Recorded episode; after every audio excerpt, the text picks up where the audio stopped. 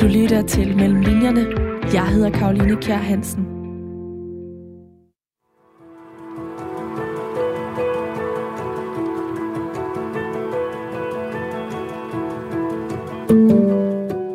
Den sidste gode chance. Det er, hvad flere forskere de har kaldet COP26. Det årlige klimatopmøde, som blev afsluttet i fredags den 12. november. I knap 14 dage der har topledere fra mere end 190 lande diskuteret de aktuelle klimaprognoser og forsøgt at komme frem til, hvordan vi undgår, at det bliver værre, end det allerede står til.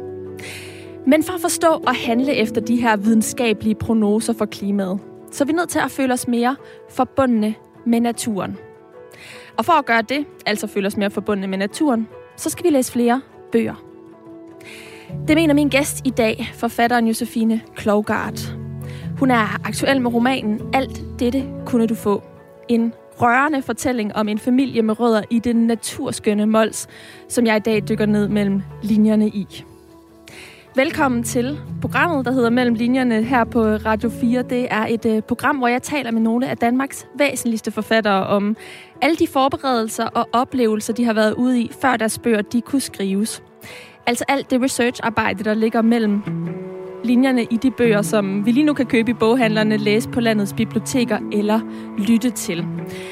Og selvfølgelig også et varmt velkommen til dig, Josefine Klogart. Tak skal du have.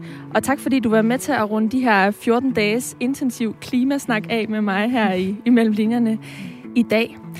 Jeg vil lige begynde med at sætte lidt øh, flere ord på dig som forfatter. Du blev øh, uddannet fra Forfatterskolen i København tilbage i 2010. Du er oversat til 12 sprog, har været nomineret til Nordisk Råds litteraturpris to gange. Det var den, der her øh, for nylig gik til den grønlandske forfatter Niviak Corneliusen. Og så er alt dette kunne du få din sjette roman. Noget af det, som går igen i dine bøger, det er øh, Mols bjerge og det her øh, bølgende landskab, som er øh, i det østjyske. Og den her øh, naturdel, den spiller også ret meget i øh, din nye roman, og hvordan det hænger sammen med din egen opvækst i den landsdel, det skal vi øh, vende tilbage til lidt senere. Men først så vil jeg gerne dvæle ved øh, den her holdning, du har til sammenhængen mellem natur og litteratur, fordi du mener, at litteratur spiller en rolle i løsningen på klimakrisen. Hvordan gør den det? Ja, altså, det ville jo være idioti at, at sige, at det er litteraturen og poesien, der skal øh, ændre den kurs, vi som samfund og som verdenssamfund øh, har lagt. Det er jo klart, at der skal politisk handling til. Øh, det er klart, at vi skal gentænke måden, vi forbruger på. Øh, vi skal gentænke vores globale økonomi. Øh, men vi skal også gentænke hele vores naturforhold. Og det er den forbindelse, jeg tænker, at litteraturen kan, øh, kan bruges til noget. Og at den har et, et potentiale, så at sige. Øhm, og, og det er sådan, at, at, at det snørklede veje, at, at jeg tænker, at den har det, fordi øhm, ja, det, altså det er jo sådan grundlæggende, fordi jeg tænker, at klimakrisen og naturkrisen, som, som man kan jo, som ja, et begreb, som ligesom både indbefatter biodiversitetskrisen, altså den her øh, store masse uddøende arter og klimakrisen. Jeg tænker, at den her naturkrise, at den øh, er flankeret af en anden krise, som man kunne kalde en, en åndelig krise. Øh, og jeg tror, at for at forstå naturkrisen, så må man også forstå den her åndelige dimension af krisen. Altså det, at der er nogle erkendelsesformer, som, øh, som vi som kultur har, øh, har, har negligeret værdien af.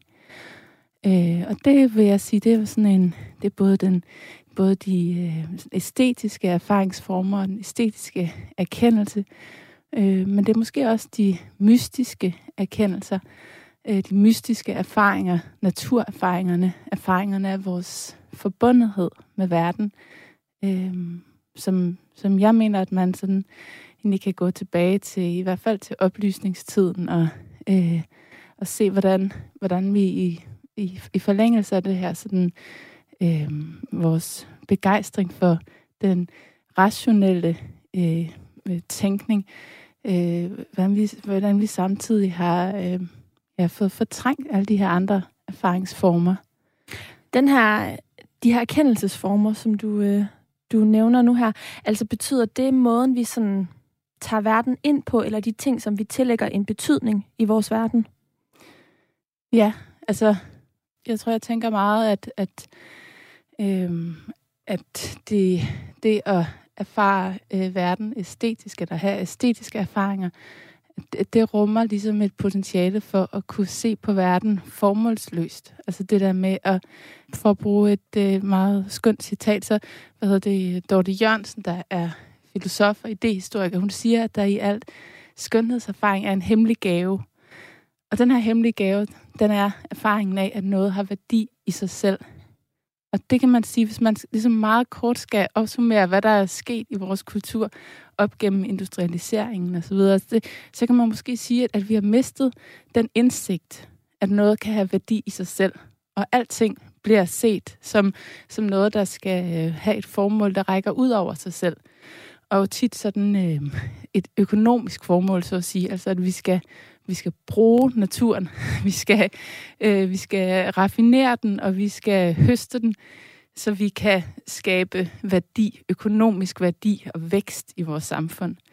Øh, og, og der er det, jeg mener, at, at, at kunsten har et potentiale for at minde os om, at, at, at noget har værdi i sig selv.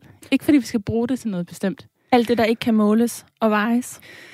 Ja, i hvert fald alt det, der ikke kan omsættes øh, til en anden værdi. Ikke? Øhm, og, og det, er jo, det er jo lidt interessant, fordi øh, at, at når, man, øh, når man siger, at at man her litteraturen har en rolle at spille i forhold til øh, at bremse klimaforandringerne eller rulle den udvikling tilbage, så risikerer man jo også i samme ombæring at smide barnet ud med badevandet, så at sige. Altså, så fordi man kommer jo til ligesom, at gentage den struktur, og pludselig så skal, så skal kunsten have et formål ud over sig selv. Ikke?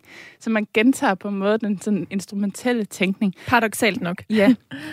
Så det er selvfølgelig meget vigtigt, at, at kunsten øh, først og fremmest er fri, og ikke bliver sådan pålagt alle mulige etiske og, og politiske øh, opgaver det skal, altså det skal ligesom komme øh, i anden ombæring, at vi kan, vi kan se på den, og vi kan så se, at den har samtidig det her øh, erfaringsmæssige potentiale.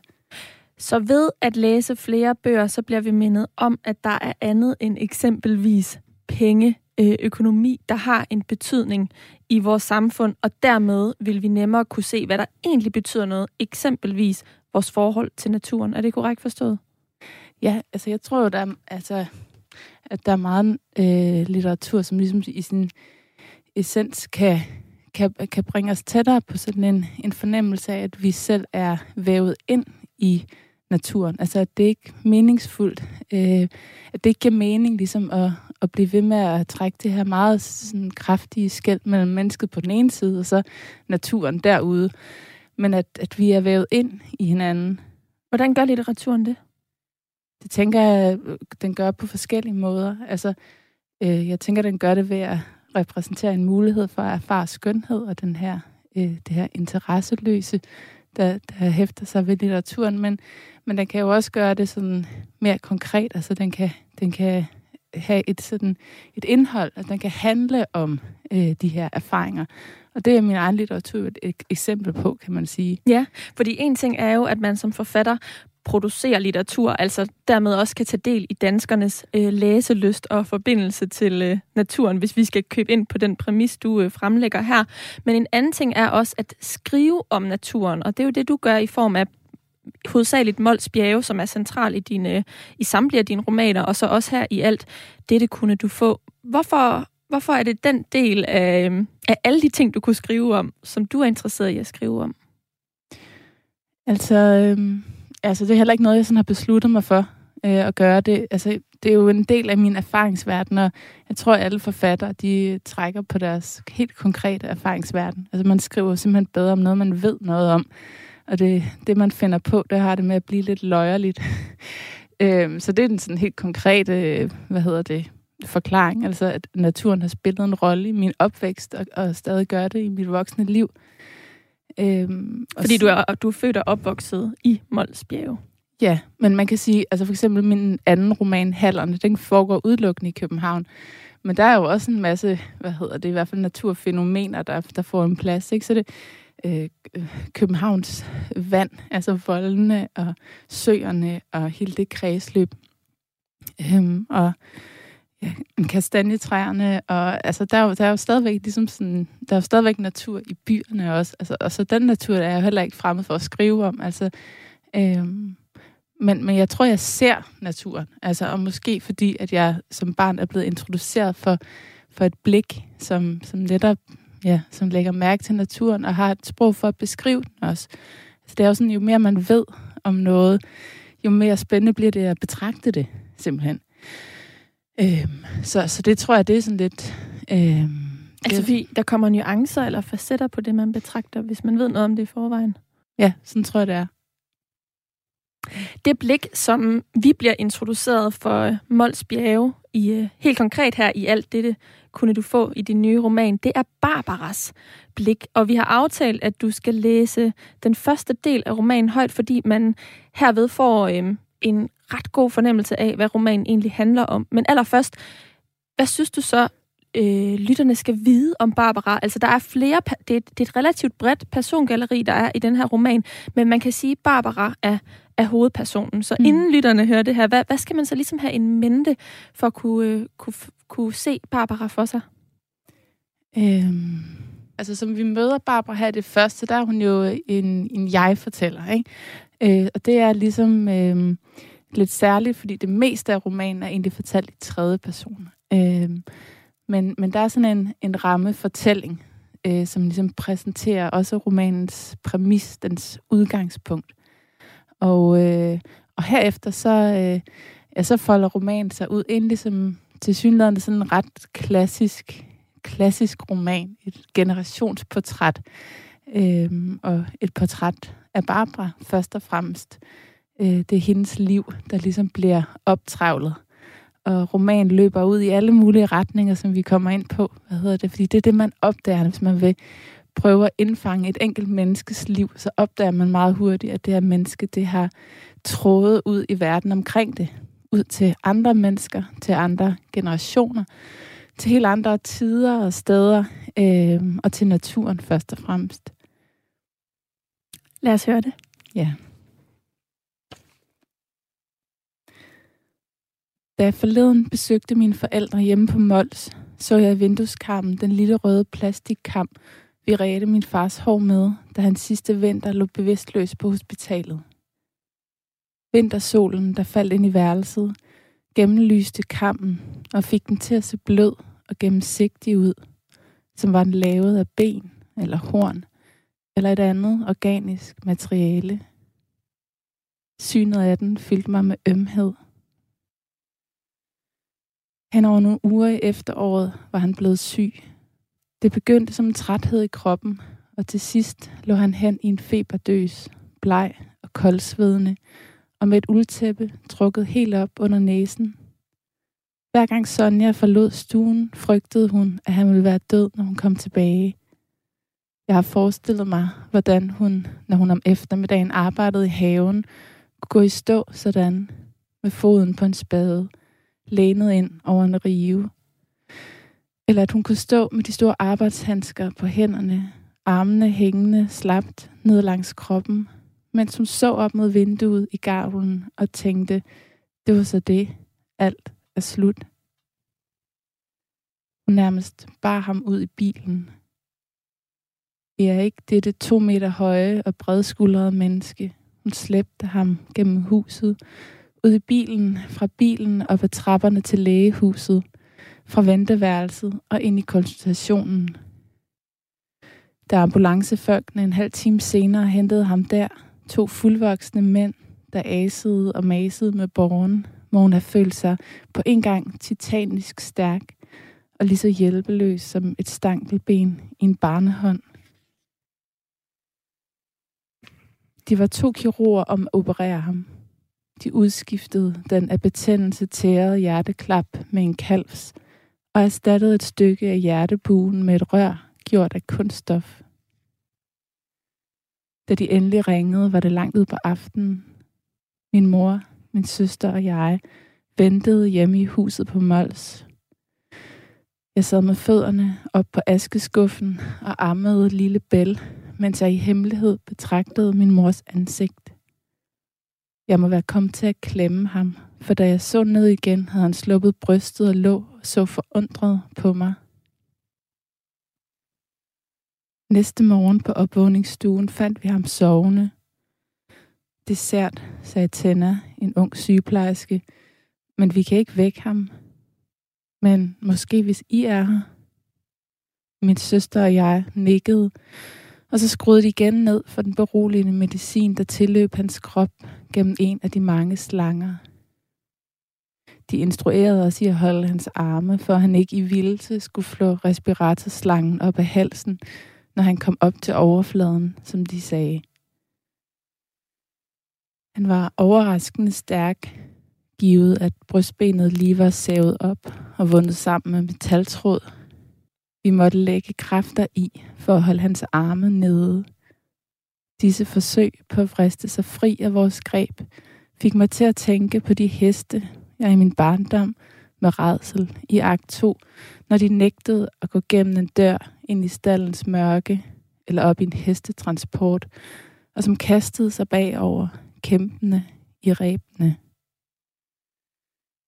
Det var i løbet af disse horrible minutter, at han slog øjnene op og så på mig.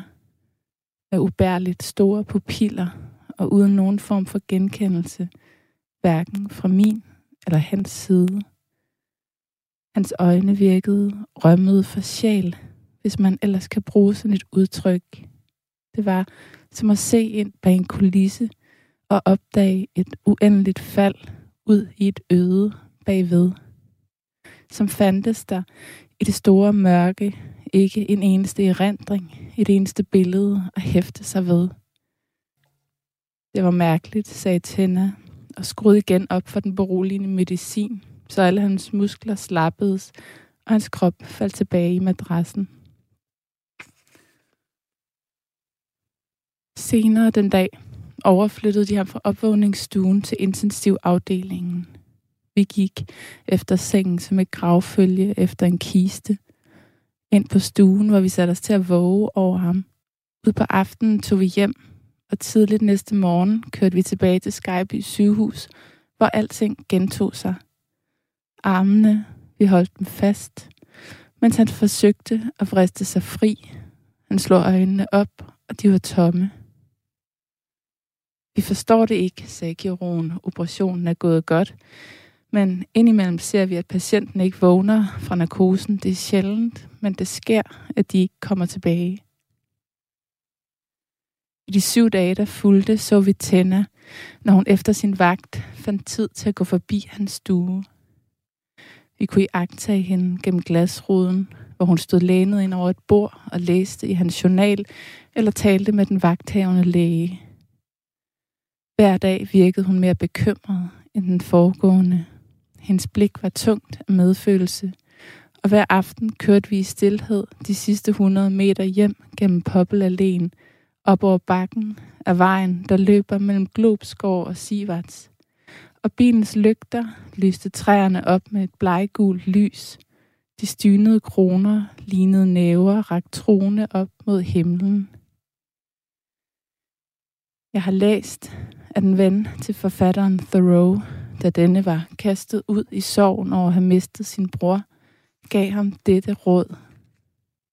Byg dig en hytte og gå i gang med det mægtige arbejde og æde dig selv levende. Jeg ser ingen anden mulighed, intet andet håb for dig. Det år, der nu er gået, siden min far faldt ud af verden og så tilbage på mig med det rømmede blik, har været sådan et arbejde. At æde sig selv. Fremkalde det hele. Alle billederne, der er i færd med at forsvinde. Du lytter til Mellem Linjerne. Jeg hedder Karoline Kjær Hansen. Og det du lige hørte her, det var begyndelsen af romanen Alt dette kunne du få, som er den roman, jeg i dag dykker ned mellem linjerne i, og det gør jeg sammen med dig, Josefine Klogart, fordi du er forfatteren bag. Jeg sagde i introen, at jeg har inviteret dig i studiet i dag, fordi at øhm, COP26 sluttede i fredags, og alt dette kunne du få, altså din nye roman, er et stykke litteratur, som man i høj grad kan forbinde med klima. Den her intro, den rummer jo ikke mange naturbeskrivelser, men dem er der mange af i romanen. Mm. Hvordan synes du, den her øh, begyndelse illustrerer, at romanen hænger sammen med naturkrisen?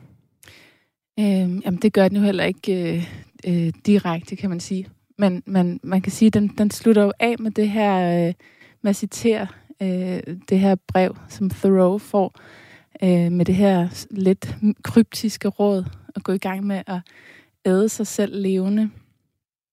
Og øh, altså, jeg har jo læst det brev mange gange, og det er ikke sådan, at, at når man læser det i sin sammenhæng, at, at det så bliver, bliver helt konkret og tydeligt for en, hvad man skal forstå ved det her med at æde sig selv levende. Men Barbara i bogen, hun bruger det i hvert fald som en, som et, en anledning til at, øh, at, at gå tilbage og se på alle billederne og alle de erindringer, der udgør et menneske. Øhm, og det er jo i den her optravling af et menneskes liv og erindring og at, alle de fortællinger, øh, som, som ligesom udgør et individ i verden, øh, det er i, i, i forbindelse med det, det her optravlingsarbejde, at, at naturen øh, kommer til at spille en rolle. Og det gør det ligesom på, øh, på flere forskellige måder. Og vi er allerede lidt over i din research nu her, fordi du nævner øh, Thoreau, som du øh, refererer til her i, øh, i de, de indledende, på de indledende sider af alt det, det kunne du få. Henry David ja. Thoreau skrev om det her med, at søge tilbage til naturen, flytte ud i skovene. Der er faktisk også den her film uh, Into the Wild, som jeg tit tænker på, når jeg tænker på Thoreau, hvor vi følger den her unge fyr, der beslutter sig for at opgive hele sit liv i civilisationen og bare rykke ud i naturen. Og det er lidt sådan en moderne fortælling over Thoreaus fortælling. Det er jo rigtigt, at Thoreau han er ligesom sådan... Øh ja, symbol på det der øh, fravalget af civilisationen, og det der med at gå ind også i et meget sådan konkret arbejde med naturen. Og din research skal vi dykke lidt mere øh, ned i nu, fordi mellem linjerne, det er jo et program, der handler om forfatteres research, og de, den, altså anslaget i romanen her det er ligesom præmissen for hele det her plot med, at Barbara tager tilbage til Mols, hvor hun kommer fra, fordi at hendes far får lavet en hjerteoperation. Og det er noget, der bygger på din egen oplevelse, men altså allerede der bygger du også på din egne oplevelse. Hvor meget af alt det, det kunne du få, er egentlig sådan en til en med dit, øh, dit eget liv? Det er jo enormt svært ligesom at sætte en sådan procentsats på, eller sådan noget. Øh, det giver ikke mening at gøre det. Altså det er ligesom, hvordan... Øh, hvordan, øh, hvordan skal man næsten svare på det spørgsmål? Altså, der, det er klart, at hvis man kender mig, så vil man se en hel masse øh, paralleller. Øh, men det er også meget tydeligt, at der er en masse, der ikke passer. Altså, man kan jo tage hovedpersonens øh, navn. Alene der er der jo helt tydeligvis noget andet på færre. Øh, og, øh, og altså forholdet mellem virkelighed og øh, skrift og skønlitteratur som sådan en, en underafdeling af skriften. Øh, altså det er jo ret øh, komplekst, hvordan de to ting hænger sammen. Og det er jo sådan set også et tema for romanen. Altså det er noget, det, den prøver at, at undersøge. Blandt andet også ved at have den her historie om Jørgen Frans Jacobsen og hans forhold til, til Estrid, som vi måske kan komme ind på, som også er et forhold, som, som i høj grad kommer til at handle om skrift. Mm. Lad os bare komme ind på det nu. Prøv at uddybe ja. for, for lytterne, hvad du mener med, med den del af romanen i forhold til, øh, til skrift og virkelighed. Ja, øhm, altså vi er jo meget vant til ligesom at øh, at tænke, at, at vi har sådan en konkret erfaret virkelighed, og den løfter man så ligesom ind i litteraturen, når man bygger videre på den, eller man kultiverer den. Men, øh, men, men, men, men, men altså hvis, man, hvis man beskæftiger sig med litteratur, så vil man hurtigt opdage, at, at, det, at sådan fungerer det ikke. Altså der sker nogle ret hæftige forskydninger lige så snart du, øh, du prøver at transportere en erfaring ind i litteraturen. Og det er sådan set det, der, altså, det er jo det, der er det spændende ved at skrive. Altså, at, øh, at, øh, at man får skabt noget nyt. Ikke? Altså, at man, at man bevæger sig væk fra sig selv. At der er ligesom sådan en, en overskridelse af ens sådan begrænsede øh, private erfaringsrum, og man får del i nogle erfaringer, som man ikke har erfaret øh, i sit private liv. altså uden det, så tror jeg, øh, altså, så tror jeg i hvert fald ikke, jeg vil have interesse i at arbejde med litteratur. Øh, det er ligesom det der øh, overskridelsen, der er det spændende. Men, men helt konkret historien om, om Jørgen Frans Jacobsen, øh, den, den kommer jo ind i romanen øh, via Barbaras navn, kan man sige. At Sonja, Barbaras mor, øh, har den her yndlingsbog. Og det er jo sådan en, Barbara, Jørgen Frans Jacobsens berømte roman, det er jo sådan en, en fortælling om en naturkvinde. Altså sådan en kvinde, der er rent drift og krop. Øhm, og på den måde ligesom også står uden for etikken og øh, hele den her sådan strenge øh, religiøse etik, der, der hersker på færøerne på det her tidspunkt, hvor romanen foregår. Øhm, og, og, øh, og Sonja er betaget af den her idé om sådan en naturkvinde. Øh, en driftstyret naturkvinde. Og, og, det er jo, og det er blandt andet ud fra det sådan idealbillede, at hun, hun bygger deres liv, familiens liv. De flytter på Mol, som er ligesom noget af det tætteste, vi kan komme vild natur i Danmark. Øhm, og, og hun har læst Rousseau på universitetet og er inspireret af de her idéer om sådan en meget fri øh, børneopdragelse, øh, som ikke har meget med opdragelse at gøre, men handler om ligesom, at, at, at, at mennesket skal være netop fri til at leve et, et naturligt liv. Øhm, men, øh, og, og hun giver jo så sit, sin første datter navnet Barbara. Øh, så på den måde, så, så bliver det sådan helt konkret introduceret, det her tema. Men så undervejs i, øh, i, min, øh, i min proces med romanen, der, der, der faldt jeg over Jørgen Frans Jacobsens breve. Og, øh, og jeg begyndte at læse dem, og det førte mig til øh, biografier og også mange breve af øh, William Heinesen, øh, som var ven og slægtning jo til øh, Jørgen Frans. Øh, og en stor digter jo også. Øh, og, og alle de her breve, de, øh, så dem blev jeg meget optaget af. Og, og, og noget, der fylder i dem, det er jo beskrivelsen af Jørgen Frans Jacobsens forhold til Estrid Bannister. Hende, der bliver kaldt virkelighedens Barbara, for nu blive i tematikken her omkring forholdet mellem sprog og virkelighed og litteratur og virkelighed. Øhm, og historien er, at hun kommer til Færøerne som ganske ung, og hun ankommer der til Torshavn, og hun øh, går i land, og, øh, og øh, William Heinesen og Jørgen Frans Jakob, de står, Jørgen Frans Jacobsen, de står på kajen og ser hende gå i land, og bliver fuldstændig betaget af hende og, og hendes søster, men Jørgen Frans Jacobsen falder fuldstændig for Estrid. Og Estrid har altså den lille gyldne ring på fingeren, så, det, så det er fra begyndelsen af sådan en helt, helt umulig kærlighed. Øh, den bliver også umuliggjort af, at Jørgen Frans Jacobsen ret, øh, en ret ung alder øh, får øh, tuberkulose. Og det er jo sådan en, altså så godt som en dødsdom. Og Jørgen Frans Jacobsens egen far dør også af tuberkulose, så der er ingen tvivl om, at, at han ligesom ret tidligt har været konfronteret med sin egen dødelighed. Og også, at det ligesom har, har stikket ham i forhold til den her kærlighedsrelation. Øhm, så sker der jo det, at Jørgen Frans Jacobsen i sin ulykkelige forelskelse begynder at skrive en roman. Øh, og, øh, og det er med forlæg i henholdsvis øh, sådan en gammel myte om Beinta den onde, som hun bliver kaldt. Øh, og som alle sådan øh, myter, så er der også et konkret forlæg for den. Altså der er ligesom, man kan gå tilbage og finde i, i, i kirkebøgerne øh, den her kvinde, Beinta, som er gift med tre præster på Færøerne. Øh, og og de, at alle tre præster dør. Der er det, det er ligesom kutume, at, at øh, hvis man kommer op og skal være præst, så overtager man enken, hvis han er død. surt job at øh, få. Men, det er et surt job, især fordi, fordi man så ender med at dø af det. Vist. men, øh, så det er ligesom sådan den der, altså den sådan historiske øh, person, der har dannet baggrund for myten. Og så kan man sige, til de her to personer, øh, den mytiske figur, Beinter, og den historiske, der, der knytter Jørgen Frans så Estrid, øh, som bliver sådan det konkrete kvinde, som han modellerer øh, figuren Barbara over. Og, øh, og han, øh, han sender de første kapitler til Estrid og siger, hey, hvad, hvad synes du om det her? Øh, og hun er ganske vild med det, og er meget betaget forstår man, er det her med at blive en del af en, af en roman, at blive fiktionaliseret. Øh, smiret, tænker man også, hun er. Øh, men det er sådan lidt groteske i hele den her historie, det er jo, øh, at øh, altså, det er jo faktisk, at Estrids liv kommer til at ligne Barbaras liv.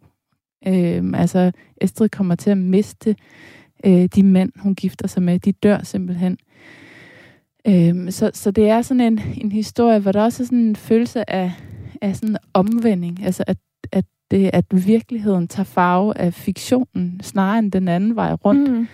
Øh, øh, og ja, så, så, det, så, så, så på den måde er det, er det jo sådan en interessant fortælling at have med. Og så, så bliver det jo også interessant, fordi at, at man kan mærke, hvordan Estrids, hele hendes øh, eksistens bliver opløftet ved det her med at, at træde ind og, at blive på en eller anden måde skrevet ind i litteraturhistorien på den måde. Det blev en meget kanoniseret bog, og det er faktisk Estrid, der ender med at oversætte den til engelsk og stå som udgiver, da, da, den, da den udkommer der. Så hele hendes liv er jo, er jo virkelig, virkelig spundet, spundet sammen med den her roman. Så enten så kan man blive formet af litteraturen, eller man kan forme litteraturen. Altså, der er ikke nogen direkte vej til mellem, mellem virkelighed og skrift. Det kan gå øh, begge veje, så at sige. Ja, altså inspiration kan gå, kan gå begge veje, ja. Hvornår i processen øh, stod det klart for dig, at din hovedperson skulle hedde Barbara? Øh, men, altså, jeg tror, jeg begyndte at læse de der breve sådan for et, altså, ja, er det to et halvt år siden eller sådan noget.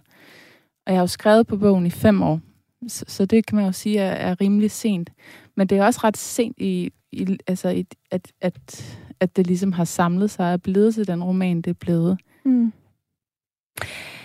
Vi skal tale lidt mere om, øh, om din research, fordi som jeg, øh, jeg sagde tidligere, så er der mange fantastiske naturbeskrivelser fra Mols.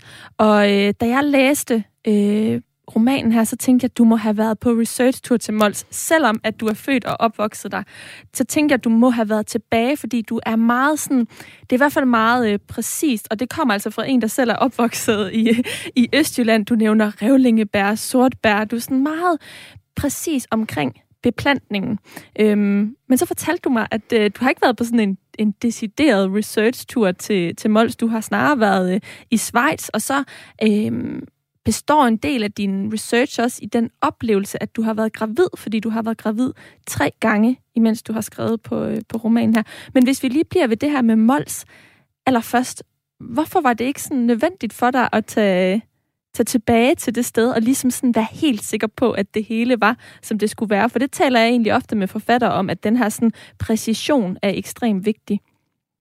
Altså, der er jo ikke noget sådan, øh, hvad hedder det, altså, det er jo ikke et journalistisk projekt, så det er mm. hverken et spørgsmål om ligesom at repræsentere en, øh, et konkret øh, øh, foreliggende landskab korrekt, og det er heller ikke et spørgsmål om at repræsentere min personlige erindring korrekt. Altså, hvad hedder det, men, men jeg er interesseret i det, erindring gør ved et materiale. Så kan man sige, at altså, det Mols, der der findes her i romanen, det er jo heller ikke... Øh, altså, det har egentlig ikke så meget med Mols at gøre, som, som den plet øh, over i Østjylland, man kan tage over og besøge. Altså, det er jo et, et mytologisk landskab, der, der bliver skrevet frem. Altså, jeg, jeg er interesseret i det, erindringen gør øh, ved et landskab, snarere end at jeg er interesseret i at ligesom have en, en korrekt beskrivelse af et, af et konkret landskab. Så det er jo sådan et, øh, ja, det er et mytologisk landskab, der bliver øh, beskrevet. Så på den måde kan man sige, at for at øh, dit projekt lykkes, øh, for at bruge sådan et meget øh, bestandigt mm. ord om det, så øh, skriver du ud fra din egen erindring for at også kunne øh, være tro mod Barbaras erindring af, af landskabet. Øh, ja, altså Altså, nogle gange, så skal man jo så lyve for at tale sandt, ikke? Altså, Hvordan det? Hvad hedder det? Jamen, altså, hvad skal man sige? Erindring er jo også meget løgnagtig. Og, og, og, altså, og, og litteratur, altså ligesom, og litteratur, der så er interesseret i erindring, det er ligesom sådan, det, det er ligesom løgn i tredje potens, så at sige. Altså det, hvad hedder det, det, det er hverken interesseret i at, at repræsentere en virkelighed, det er heller ikke interesseret i at helt konkret at indfange en bestemt erindring. Øhm, det er interesseret i at genskabe noget med den aura erindring giver verden. Øhm, ja, jeg ved ikke, om det var et svar, svar jo, på dit jo. spørgsmål. Vi lader den lige hænge. Ja, vi, vi lader den lige hænge. hænge. Ja. Selvom at du nu siger, at du har aldrig taget på sådan en konkret research-tur, mm. så var der alligevel en oplevelse i Schweiz i 2018, som mm. har betydning for romanen her. Prøv lige at tage os med tilbage til den oplevelse. Altså, hvad hedder det? Det er, jo, det er jo klart, at der er en hel masse, ligesom, som, jeg, som jeg har stødt på i mit øh, levede liv, som i en eller anden form har fundet vej ind i romanen. Og en af de her ting, det er Eiger, bjerget Eiger i de svejtiske alber. Øh, og jeg var i Schweiz i 2018, øh, hvor jeg havde sådan en gæsteprofessorat i verdenslitteratur på Universitetet i Bern. Og øh, vi tog i weekenderne ud for at vandre. Og det var på en af de her ture, at vi kom forbi øh, Eiger og Eikers nordside. Og øh, det var sådan, altså det var virkelig en, en vild oplevelse, synes jeg. Jeg kan bare huske det der med at, ligesom at stoppe op, og så bare være sådan helt målløs og tænke, okay, hvad er det for et bjerg, det der? Øh, altså, hvorfor er der ikke nogen, der har fortalt mig om det? og det kommer altså fra en, der er vokset op i et af de mest bakkede steder i Danmark. Ja, altså, så rimelig langt fra. Lige præcis. fra Mols bjerge til Alperne, vil sige. Men, men det er sådan et, altså, vildt fascinerende, en vildt fascinerende bjergside. Den er jo en nordside. Det vil sige, det, det har ligesom nogle bestemte øh, klimatiske forhold. Ikke? Altså, der er meget lidt sollys, der når bjerget, og, eller bjergsiden, og, øh, og, og, og der er ligesom sådan voldsomme vejrskifte øh, og stenskred mange gange hver dag. Og der er ligesom, hvad hedder det, der er dele af bjerget, som er, er beklædt med sådan en iskappe. Så det er også sådan, altså det, det, det er virkelig et ufremkommeligt landskab, det der, den bjergside. Ikke? Men, men samtidig så tænker man, i det man ser den, øh, så tænker man, kan man komme op? altså, jeg har aldrig... Øh, Altså, jeg har aldrig øh, været den store klatre overhovedet. det er meget begrænset, hvor jeg har erfaringer i, i den retning. men, men, men det slår bare en, for, netop fordi det virker så fuldstændig umuligt. Altså, den her bjergside, den er ikke bare lodret, den er sådan konkav. Altså, det vil sige, at man kan få en fornemmelse af, hvis man øh, lykkes med at komme op, og, og så øh, snubler og falder, øh, jamen altså, så vil man, altså, så er det bare et frit fald. Flere tusind meter frit fald, ikke? Man vil ikke ramme øh, bjergsiden en eneste gang, før man når bunden. Og det er jo også det, der har fascineret øh, hvad hedder det, bjergbestiger. Og, og den her konkrete oplevelse i, øh, i Schweiz, den, mm. den får en plads i romanen, og vi har aftalt, at du lige skal læse en lille passage højt, mm. hvor, hvor vi ligesom får en fornemmelse af, hvordan den oplevelse transformeres ind som en passage i, øh, i romanen. Mm. Ja, man kan sige, at Eiger øh, er ligesom med på to forskellige måder. Det er med, fordi at øh, hovedpersonen Barbara øh, er i Schweiz og går en øh, tur, der minder om den, jeg gik, og kommer op i passet der ved Kleine Scheidegg, hvor man kan se over på Eiger øh, og på Eigers nordside. Men det er også med øh, som sådan en, øh, som et indslag af en, en, en fortælling om Tony Kurt, som er en af de øh, bjergbestigere, der har givet sig i kast med at bestige Eikers nordside. Øh, og det er sådan en meget berømt ekspedition. Og der findes ligesom sådan den hele litteratur omkring Eikers nordside, hvor, hvor klatre har beskrevet det her forsøg på at bestige bjerget, den her kamp med, med bjerget. Øh, og, og, det, og deres historie, øh, Tony Kurz historie, er, er skrevet ind i romanen, og det, det er det, jeg lige vil læse lidt fra her. I 1935 bringer man i de tyske aviser fotografier af albernes tre store nordsider, Matterhorn, Grande, Jurasses og Eiger. Bjergenes tinder er for længst nået af andre veje, og nu står nordsiderne tilbage. De drejer lidt den probleme der Alpen. Annoncerne skal tjene som lokkemad for vågehalsene. Kurz og Hinterstosja kommer cyklerne til Kleine Scheidegg en julidag. Vejret er strålende. Som bjergbestigere er de uovertrufne, nogle af de bedste på deres felt i det, man kalder deres livsform. De vil bestige Eiger Nordwand alpint. Det vil sige let udstyret og klatrende for teltet i bunden er passet til toppen og tilbage i et enkelt fremstød. Det kan tage flere døgn og indebære både traditionel klatring og isklatring med isøkser og isskruer hen over devices spænde, gletsjerformationen, der strækker sine arme ud øverst på bjerget. De er så unge her, Tony Kurz og Andreas Hinterstosja. Her på billedet, hvor de sidder foran teltet i dalen og ordner deres udstyr, forbereder sig. Tony spritter en nål af og punkterer en vabel på hælen. Hans hænder virker for store, da han lidt efter skal lægge nålen tilbage ned i en lille konvolut. De taler lavt. Der er en alvor over dem, som får dem til at virke ældre, end de er, gør dem ubestemmelige i alder. De ved, hvad de gør. De kender bjerget godt, har studeret det længe, trænet intensivt, forberedt sig på enhver tænkelig måde. De har diskuteret ruten, men nu ligger den fast. Til en journalist, der kommer forbi ud på eftermiddagen, siger Tony Kurtz Wenn die Wand zu machen ist, machen wir sie oder bleiben drin. Kurz og Hinterstossiers udstyr er simpelt og nærmest rørende for et nutidigt blik. Forskellige reb, karabiner, to hammer, et antal isskruer, isøkser, ekstra sko, alt pakket i lærreds rygsæk. Tak, Josefine Klogart. Og det er altså en passage fra alt dette kunne du få, som er den roman, vi i dag dykker ned mellem linjerne i. Og de her bjerge, de er også på forsiden, eller på coveret ja. af romanen her, som er en vanvittig smuk roman. Du har simpelthen et helt særligt greb, når du øh, udgiver bøger, og det er, at øh, billedet, billedet ligesom fortsætter ned på siderne, så det ligner sådan en, en form for... Øh, Jamen nu siger jeg mursten, den har ikke mm. størrelse mm. som en mursten, men altså... Ja. En marmorblok eller Ja, lige præcis. Ja. Altså det fortsætter ud over det hele. Vil du ikke lige mm. prøve selv at beskrive, hvordan det ser ud for lytterne?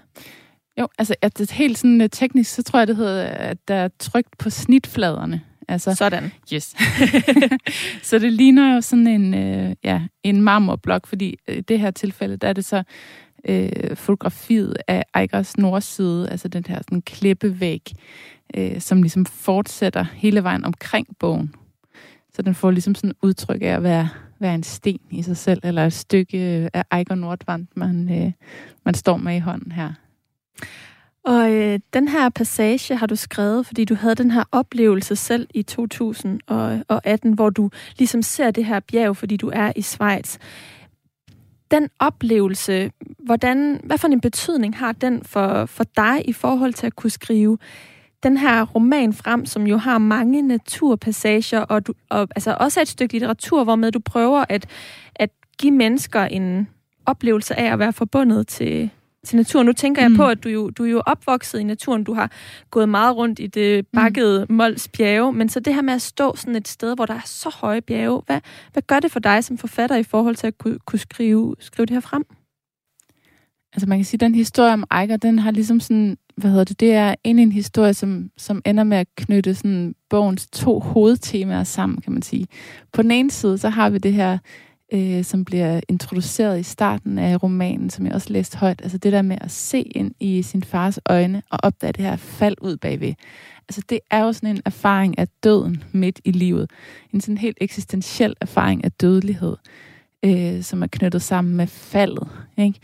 Øh, og så det andet store hovedtema, som jo er menneskets forbundethed med naturen. Og, og det kan man jo sige, at, at det er jo ligesom en forbundethed, som de her øh, klatre hele tiden er bevidst om, på sådan en meget, meget konkret måde.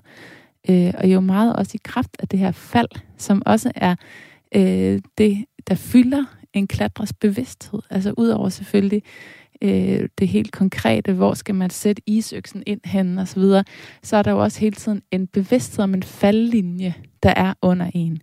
og som i tilfældet med Eiger Nordvand, er jo altså en, en virkelig hæftig linje, der, der går meget dybt.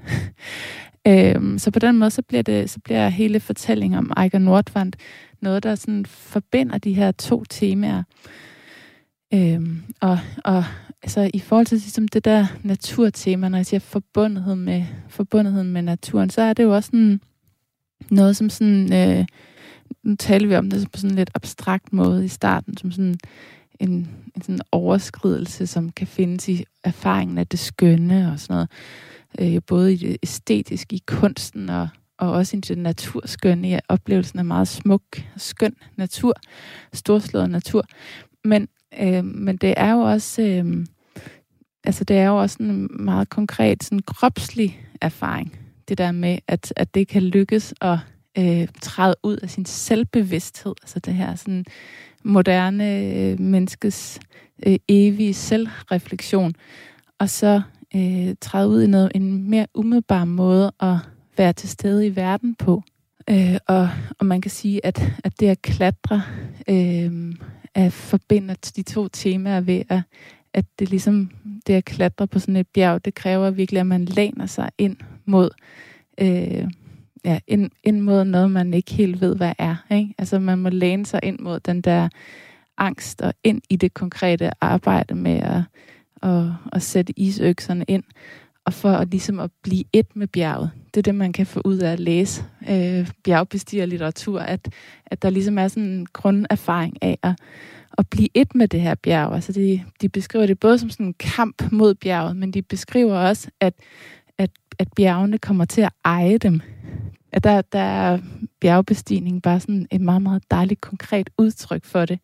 Men det får en masse forskellige udtryk i romanen, for det er jo også til stede, når Barbara hun i begyndelsen af romanen binder et ræb om maven på sig selv og sin søster, og de går ud i bølgerne og lader sig ligesom opsluge af det, hun kalder den store rullende kraft. Mm. det samme udtryk i øvrigt, som hun bruger, når hun senere hen begynder at, at læse I.P. Jacobsen og Virginia Woolf, og oplever sig selv som en del af en større rullende kraft. Ja. Så det er meget tydeligt, hvordan der er en stor forbindelse mellem naturoplevelser og, og også det at øh, læse og studere, fordi nu, det er jo ja. det, som den her oplevelse har, har, har gjort for dig, at du så, fordi du står der og ser det her kæmpe bjerg, giver dig i kast med at studere øh, de her bjerge, øh, klatre beskrivelser, mm. men det samme er også tilfældet i forhold til, øh, til Barbara. En anden oplevelse, som også har sat spor i romanen, det og som jo også har øh, relation til, til, øh, til natur, hvilket død jo i høj grad også mm. er. Det er jo, det må man sige. Altså, vores, vores knyttethed til natur er jo, øh, at vi, vi bliver født, og vi dør, og du har simpelthen været gravid tre gange, imens du har skrevet romanen her. Ja. Prøv lige at fortælle om det. Du har kun ét barn, og så har du et i maven lige nu. Tillykke med det. ja, tak men, men tre gange. Ja, der mangler en. Ja, ja. Men, men, altså det, jeg var, hvad hedder det, øh, jeg har, har, har været gravid tre gange. Jeg har en dreng på næsten tre, og så har jeg været gravid en gang, hvor jeg efter tre måneder havde sådan en spontan abort, og, og nu er jeg så gravid i 6. måned igen. Men, øh, men, men man kan sige, sådan moderskabet fylder jo en del i bogen. Øh, både i, for, i, hvad skal man sige, i forhold til Barbara og Sonjas forhold, men jo også i forhold til det, at Barbara selv blev mor. Nu hørte vi også i indledningen om, hvordan hun har et spædbarn med mm. over, da hendes far øh, øh, bliver opereret. Øhm, og, og jeg synes, at det der moderskab, i hvert fald i den her bog, øh, er, er skildret meget som, som sådan et sted, hvor man kan få adgang til sådan en, en oplevelse af sig selv som natur.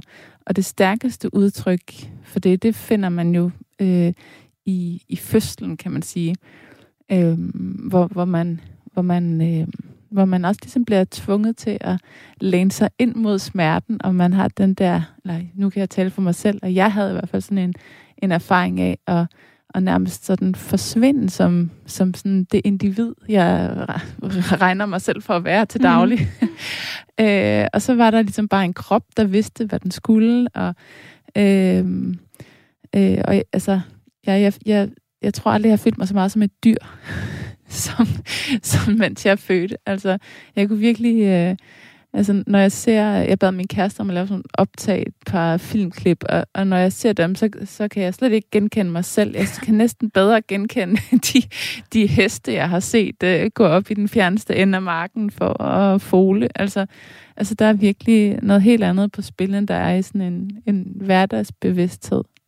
Men, men i forhold til det her at blive mor og temaet, natur. Hvilke tanker har du så gjort dig i forhold til det? Fordi du er selv opvokset i Mols Bjerge, men bor så i, øh, i København nu, og, og min erfaring er, at øh, vi taler i stigende grad om forældreskab og noget, der ligesom skal have en relation til naturen. Flere de vælger at hive pælene op her i, i storbyerne og rykke ud på landet, eller sådan helt væk fra civilisationen, også i kraft af, at de bliver forældre. Øhm, og når det nu der er et tema, der ligger der så meget på sinde, Mm, hvordan fylder det sig så? Altså, det er, sådan, er du lige ved at hive teltplælene op her i, i København, eller, eller hvor står du i forhold til, til den dimension af natur og, og forældreskab?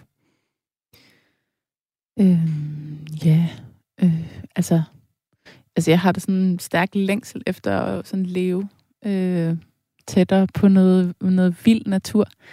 Øhm, og jeg ville også ønske, at jeg kunne øh, give mine børn sådan nogle af de samme erfaringer, som jeg selv har haft i min barndom. Øhm, men altså, jeg tror nok, jeg er ved sådan at forlige mig med, at det ikke kommer til at ske. Mm. Og håber jo på en eller anden måde, at jeg altså, så giver dem noget andet.